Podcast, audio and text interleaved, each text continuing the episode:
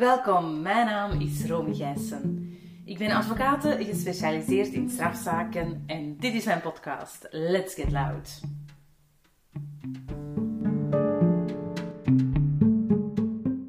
In deze aflevering wil ik het zeer graag hebben over de waardigheid van ons beroep als advocaat.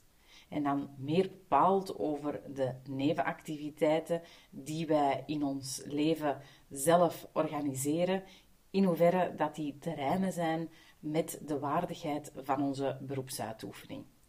Voor deze aflevering knoop ik maar al te graag een gesprek aan met meester Walter Dame.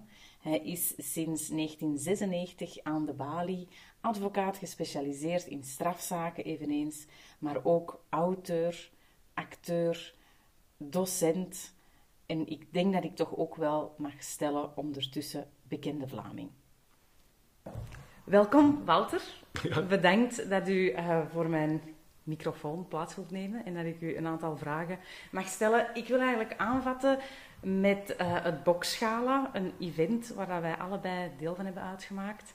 In 2015, meer bepaald 5 juni 2015. Om dat eventjes te kaderen, um, dat was inderdaad een event van de conferentie georganiseerd, uh, Bali Antwerpen, uh, ten voordele van Kom op tegen kanker. En men had er niet beter op gevonden dan gewoon een boksring in het midden van het justitiepaleis te plaatsen en daar uh, advocaten zich te lijf laten gaan hè, om, om zoveel mogelijk geld in te zamelen.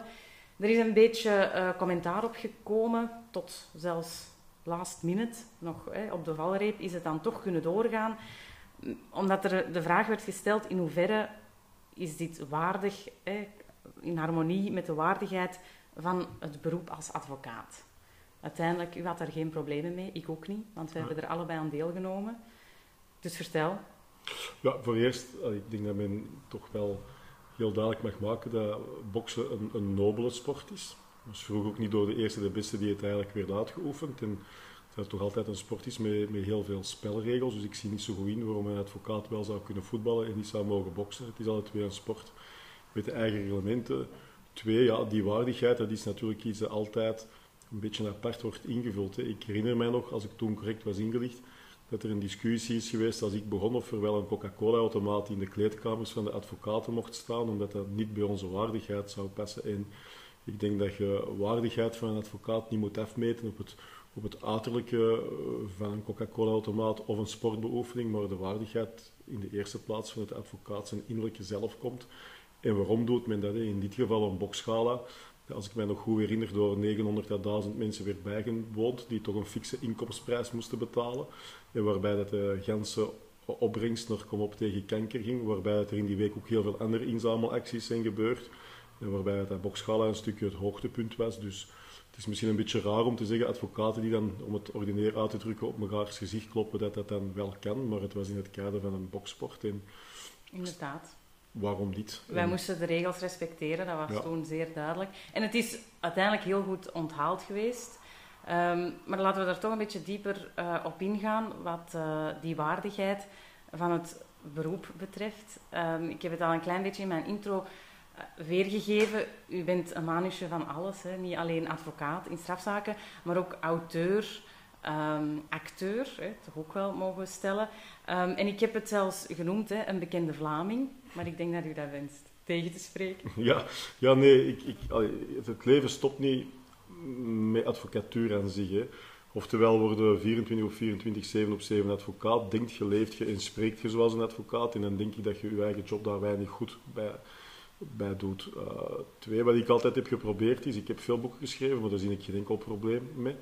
Uh, ik doctoreer ook trouwens, dat ik dat uit mijn terreurperiode heb opgepikt. Dus ik probeer wel veel zaken bij te doen, net om die frisse kijk op die advocatuur te kunnen behouden. En al hetgeen dat ik tot op heden heb gedaan, heb ik altijd ongelooflijk veel uit geleerd.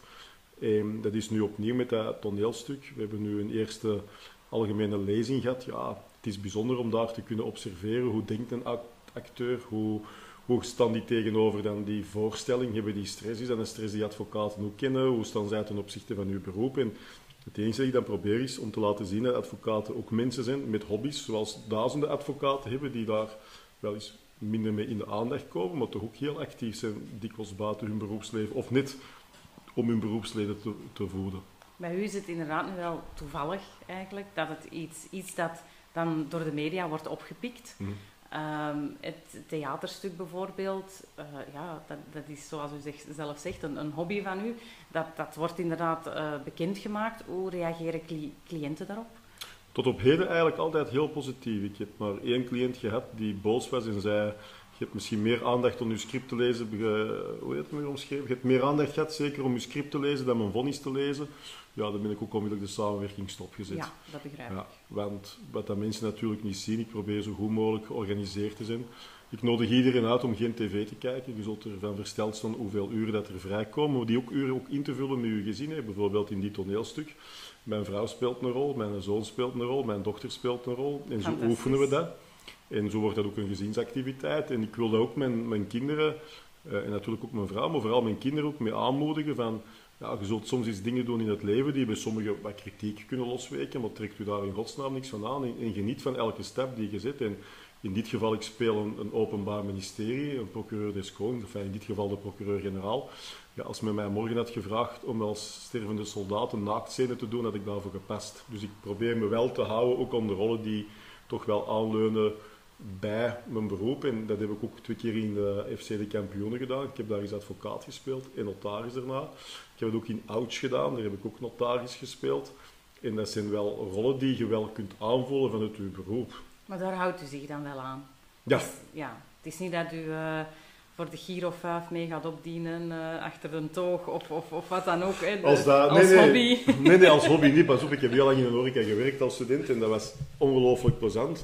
Uh, maar ik heb al van alles gedaan. Ik heb nog een tweede bokswedstrijd gedaan voor een goed doel, waar ik dan plotseling de hoofdact was als bokswedstrijd. Dat was een Marokkoeken die dat moest verslagen. Ik, heb, uh, ik geef vaak lezingen, ik, ik doe van alles. En, en, en, ik ben bijvoorbeeld ook Peter van de VZW, van hoogbegaafde kinderen, die ernstige levensproblemen hebben door hun hoogbegaafdheid. Dus, maar allemaal binnen de perken. Als mensen zich afvragen, want dat is dan misschien uw volgende vraag, maar ik kon eerst uw volgende vraag laten stellen. Nee, nee, nee, zeg maar, vertel. Nee, hoe doet je dat allemaal? Maar, maar dat gaat, hè. ik ben, ben heel goed georganiseerd. Uh, ik heb ook al veel medewerkers of medewerkers die hier al heel lang werken, dus wij zijn een zeer goed geoliede machine. En ik probeer zo efficiënt mogelijk te werken. Dus ik ga niet lunchen. Ik ga niet in de koffiebaruren. Ik, uh, ik ga niet op café na het werk. Ik ga niet om vier uur aperitieven. Ik werk en ik probeer dan ook zo vaak mogelijk thuis te zijn. En mijn kinderen, ik vraag dat elke week van, heb je papa genoeg gezien? En meestal is het antwoord te veel. Ja, Niet omdat ik een vervelend iemand ben, hoop ik. maar omdat ik dat altijd wel inplan. Doe nu met mijn zoon een wijncursus, doe met mijn dochter dit, ik doe met gezin dat. En ja, maar ik heb gelukkig een, een heel snel verwerkende geest qua informatievergaring, qua dossierverwerking. En dat is het enige dat, dat ik ook kan en daar prijs ik mezelf zeer gelukkig voor. Absoluut. Nee, het is mooi dat het allemaal te combineren valt. Het kan ook inspirerend zijn hè, naar collega's toe. Want hoe reageren andere advocaten op, op uh, al die nevenactiviteiten? Nog nooit een boze brief van de stafhouder gehad? Of? Nee, nee, ik meld het ook telkens maal aan de stafhouder. Dat is, dat is verplicht, hè? Dat nog is verplicht, altijd. Ja. Maar het valt onder de artistieke beleving. Uh, dus op zichzelf is er geen probleem. En ik probeer dat dan ook. Ik heb dan het spelprogramma De Verraders mee gedaan. Daar heb ik lang aan getwijfeld, omdat dat toch niet evident leek. Maar ik denk achteraf, als ik dan de reactie van de collega's, onze confraters, hoor, die zijn zeer positief geweest. En ik denk dat ik zelfs de advocatuur daarmee in een menselijker gedaante heb gezet. Of minstens dan toch als iemand die goed een spel kan spelen, of of sluw of verstandig of whatever is. En dat we daar uh, niet slecht zijn uitgekomen. En ja, ik zeg altijd, je hebt heel veel advocaten die binnen VZW's of de tennisclub of de voetbalclub of de korfbal actief zijn. Dat is minder in het oog springend, maar ook daar hebben die een zeer belangrijke rol die misschien veel intensiever is dan alle nevenactiviteiten samen, maar al twee die ik doe. Mhm. Ja, de publieke opinie heeft zo vaak de mening van, ah ja, hij gaat acteren, dat is handig, want een advocaat is al een acteur. Hè. Men, men, zegt dat vaak. Het is natuurlijk een verkeerde stelling. Hè. Het is een beetje kortzichtig, als we dat zo mogen noemen. Ja, wat je natuurlijk als advocaat moet kunnen, is een, je moet een feitelijk relaas kunnen brengen, je moet emotie kunnen overbrengen en je moet kunnen overtuigen. Ik heb destijds, ik denk dat dat nu ook een, eh, een acht of negen jaar geleden is, ook al eens een theaterstuk zelf geschreven. Dat was toen in de oude Assisezaal zelfs en dat was een professionele acteur versus advocaat. Ik speelde advocaat en mijn onkel Hubert Witse speelde toen de acteur. Uh, dat was na een doortocht van Gils en Gasten volledig uitverkocht. Op een paar uur tijd kon ook maar 200 man in die zaal. En toen hebben ook heel veel mensen ervan genoten. Dus ook heel veel magistraten toen komen kijken om eens een keer aan hun vrouw te laten zien of aan hun man. Van, ah, dat is die zaal, dat is die sfeer. En, ja, en nu komt dit erbij, maar dat zit opnieuw op hetzelfde, ja, op hetzelfde niveau. Nogmaals, als ze mij morgen vragen om uh, General Lee te spelen in een oorlogsfilm, denk ik dat me dat echt niet goed gaat afgaan en daar blijf ik dan ook ver vandaan. En uw mening over uh, de reality soaps die, die, die, verschijnen, waarin dat men een aantal strafpleiters ga, gaat volgen, zou u daarvoor uh, gemobiliseerd kunnen worden? Ja, ik ben al eens een keer voor zoiets, uh, een proefproject gevolgd geweest. Dat was een heel raar gevoel, dat is ook uiteindelijk niet doorgegaan. en als men dan specifiek refereert naar Injustice for All, veel mensen hebben daarvan genoten, anderen hebben zich daar blauw om geërgerd. Dat is eigenlijk telkens de individuele keuze van de advocaat zelf hoe ver of hoe kort dat hem daar ook in, in wenst te gaan. Maar ik vind niet door het feit dat je advocaat bent, dat daardoor plotseling alle mogelijkheden zouden mogen wegvallen. Want ja, bij mij ook, ik heb, ik heb heel veel kritiek gehad over die terreurzaken die ik deed. Massa's kritiek. Ik heb daar ook wel een boekje over geschreven met acht professoren. Ik heb daar dan, dat boekje is aan verkozen geweest tot beste boekje op de afdeling criminologie van de Universiteit Gent door Weilen en Brijs de Raver. Daardoor is er dan een mogelijkheid ontstaan om daarover te doctoreren. En dan probeer ik wel, telkens wat ik nu ook doe, al dat soort elementen, er groeit altijd wel iets goed uit. En ik, ik ben nu heel, ik denk als ik de verraders niet had gedaan, hadden ze mij niet voor deze rol gevraagd. En ik ben zo heel nieuwsgierig, waar stopt de keten? Ja, misschien kan ik volledig af in dat theaterstuk, dan is dat zo. Misschien vindt iedereen dat geweldig en komen er nog vragen. Uh, ik heb inmiddels toch al drie à vier andere programma's geweigerd, omdat ik ook wel vind dat het moet blijven aanleunen en dat ik mij niet een BV wil noemen, maar gewoon een 50-jarige advocaat die het geluk heeft om voor zaken gevraagd te worden, maar daar dan toch nog altijd een, een sympathieke selectie in, in, in houdt. Want anders zit je wel die stap naar het BV-schap. Maar natuurlijk, als u over straat loopt, de meeste mensen herkennen u wel. Ja, maar dat was er voor ook al met een beerschot. En dan weer een aantal andere zaken die ik al had gedaan. Maar, maar sinds de verraders is dat natuurlijk nog wel toegenomen, ook naar een zeer jeugdige leeftijd. Het is ook niet zo grappig als dan kinderen van 6, 7 jaar die u om een foto komen vragen. Ik was onlangs op Antwerpen Beerschot. Ik ben zeker met 20 Antwerp supporters op de selfie gemoeten omwille van de verraders. Ja, dat is vorig jaar niet gebeurd. Oké. Maar dus voor u, als het in de lijn ligt van de job, is het voor u waardig? Ja. En is het zelfs... Allee, zouden we nou onwaardig zijn om met een hotijne positie te vertrekken van hé, hey, ik ben wel advocaat, hè, please, uh, ik, ben, ik ben meer waard hè, dan, dan, dan volksvermaak bij manier van spreken. Maar het is geen volksvermaak, dus ik vind, als je als advocaat moet je je waardigheid behouden.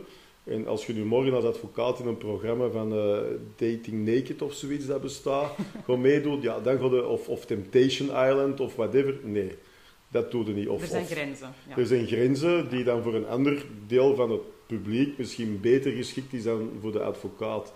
En, maar ik vind wel, als het bij uw job aanleunt en, en het is plezant, want dat is de eerste norm toch nog altijd, het is leuk, het is plezant, dat je het wel moet kunnen doen.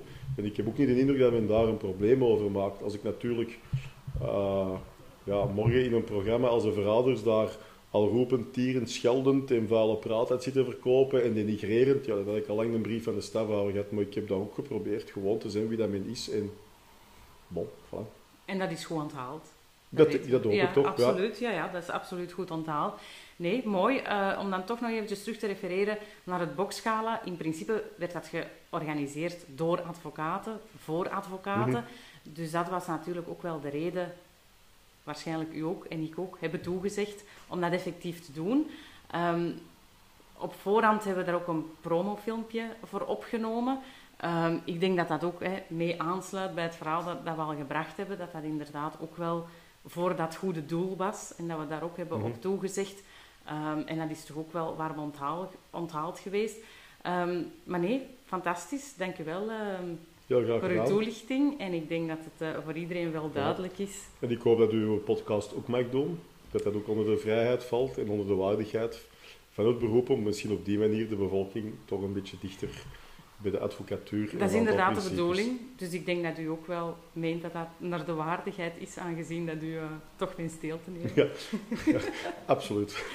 Dank u wel. Graag gedaan. Super.